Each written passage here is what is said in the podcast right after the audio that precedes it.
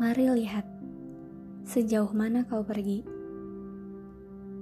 Kau kira apa yang akan kulakukan?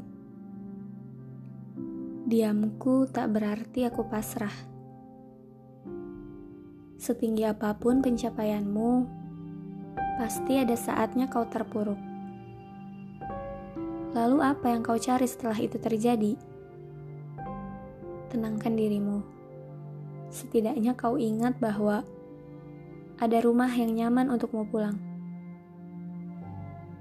Sejauh mana pun kau pergi, pulanglah hanya ke rumahmu. Iya, rumahmu, bukan villa atau hotel yang hanya disinggahi untuk beberapa waktu saja.